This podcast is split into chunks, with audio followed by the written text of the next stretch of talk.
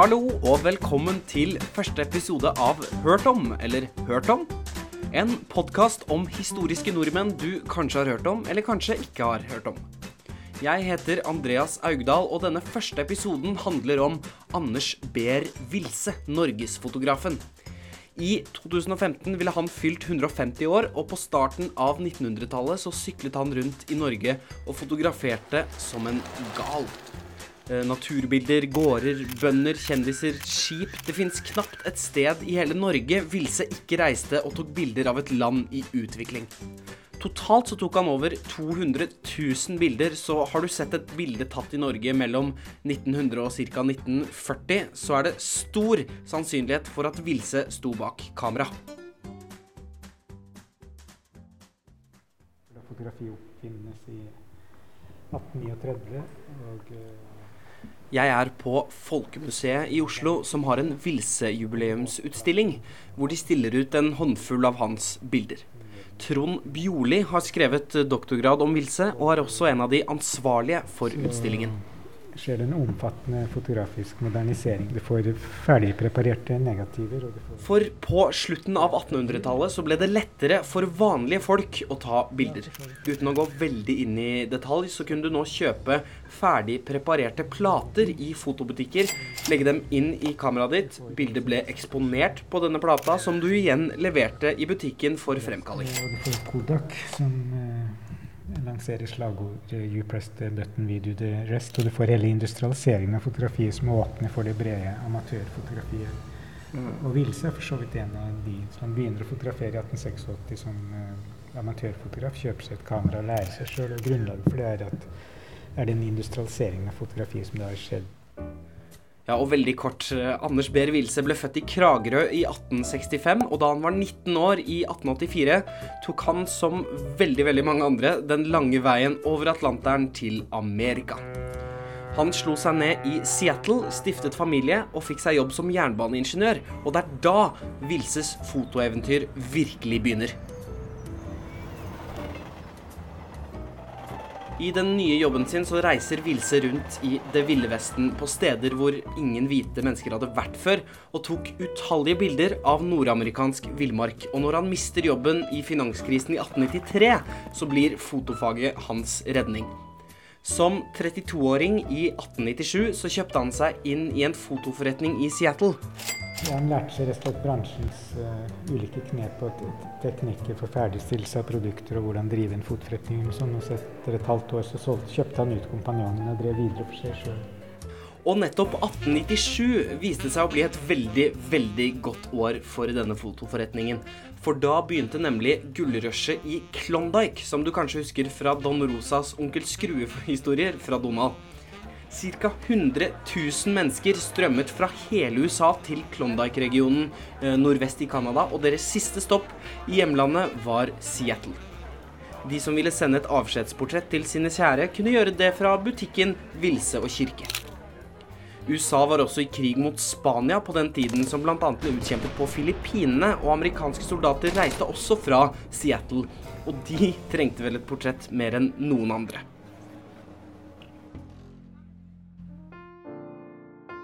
Butikken tjente såpass godt at Vilse kunne ansette assistenter og selv gjøre det han virkelig ville, det han virkelig hungret etter, som var å dra ut i villmarken på lange fotoekspedisjoner helt mutters alene.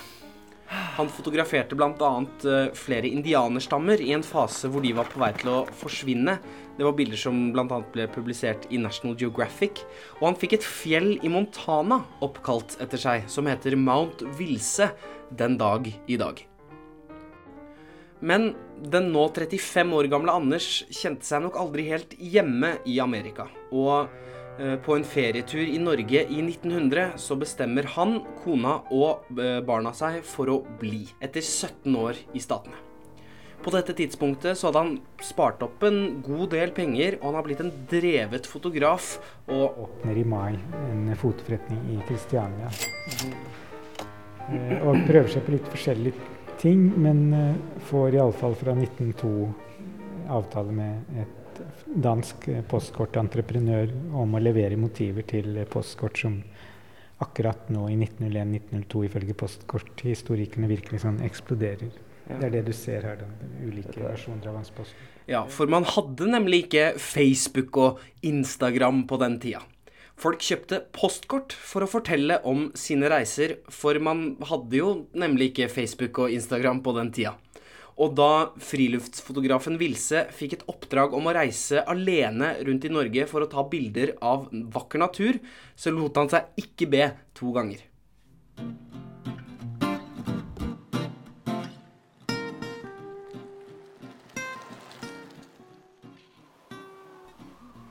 Med dette oppdraget så sykler han rundt i hele Norge med kamera på ryggen. Og da mener jeg hele, virkelig hele Norge. Eh, Vilse hadde et godt trent øye for gode, appellerende motiver, og fra USA så tok han med seg den amerikanske arbeidsmoralen, som vil si å jobbe utrettelig fra morgen til kveld. Han så eh, også på Norge med nye øyne etter mange år utenlands som et eksotisk, uberørt land, i tillegg til at han så uh, at med urbaniseringen og industrialiseringen av Norge at den vakre naturen og de idylliske gårdssamfunnene var på vei til å forsvinne. Som med indianerne i USA så ville han forevige det Norge han så, mens han enda kunne. Og det er det som blir uh, Vilses suksessoppskrift, og grunnen til at han er et såpass kjent navn i fotokretser den dag i dag. Han var en effektiv og dyktig fotograf, og på sine lange sykkelturer så fikk han udødeliggjort et Norge i endring som aldri ville komme tilbake fra et fattig jordbrukssamfunn til et moderne industri- og pengesamfunn. Det var et skjæringspunkt der som Vilse dokumenterte. Så han var eh, på mange måter rett mann på rett sted, og i hvert fall til rett tid. Og han tok fantastiske bilder i fem tiår. Alt fra bønder på Vestlandet til moderne funkishøyblokker i eh, hovedstaden, som ikke nødvendigvis ble postkortmotiver.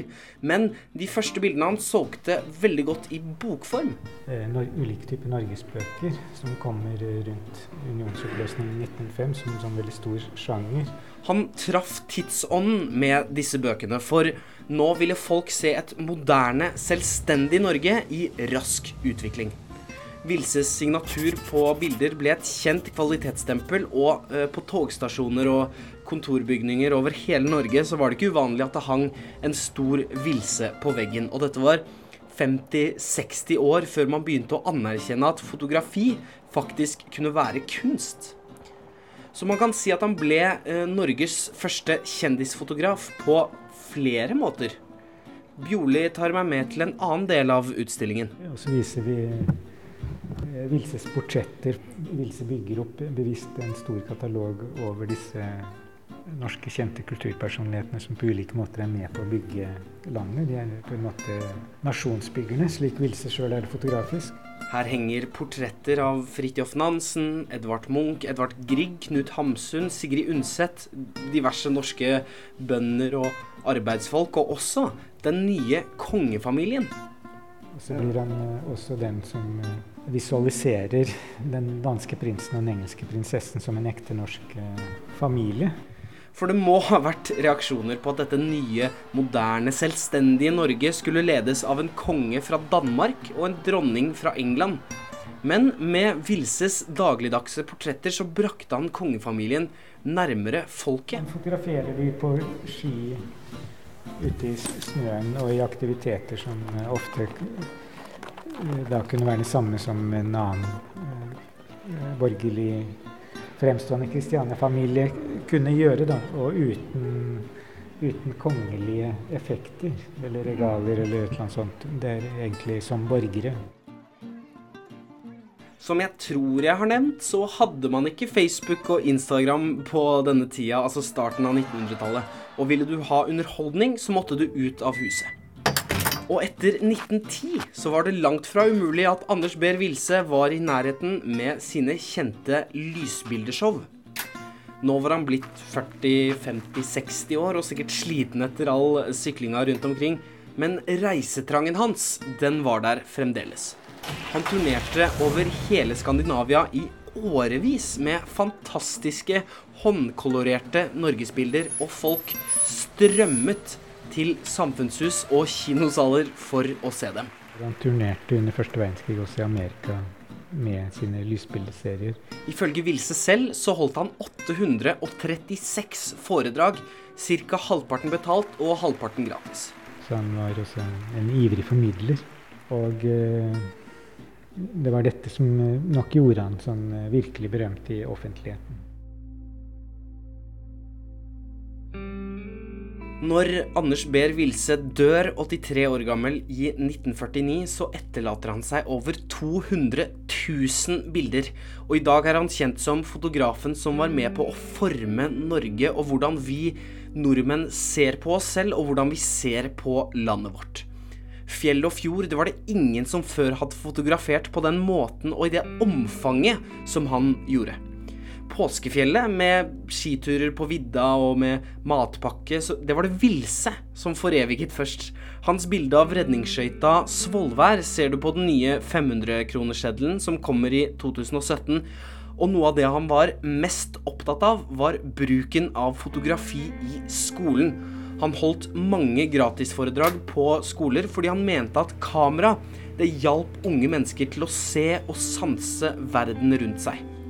Verden er en serie av bilder, mente han. Det er blomster, det er grupper av siv, en vakker skyformasjon som ligner perler, som før man fikk kamera, gikk upåaktet hen. Gjennom linsa så, så han og dokumenterte Norge på en måte som ingen andre gjorde på den tida. Og på den måten så ga han den moderne norgeshistorien et ansikt. Han var vanvittig produktiv og vanvittig nyskapende, og uten tvil den viktigste norske fotografen gjennom tidene.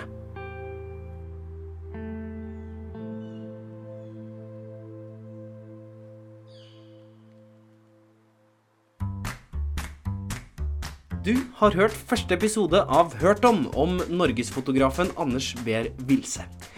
Tusen takk til Trond Bjorli, som delte av all sin kunnskap, og utstillingen Vilse 2015 på Folkemuseet. Det er en utstilling jeg anbefaler på det varmeste hvis du vil vite mer om Vilse og se eh, hans bilder. Vilse 2015 har også en Facebook-side.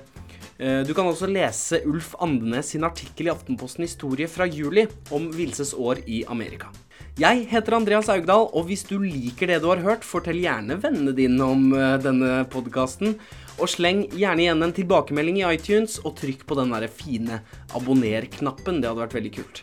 Du finner også Hørt om på uh, Facebook, Twitter, Instagram og Soundcloud. Og hvis du har noen tips uh, til en historisk nordmann som jeg kan portrettere, eller hvis du bare har noen spørsmål, så send en mail til hortompodcast at gmail.com.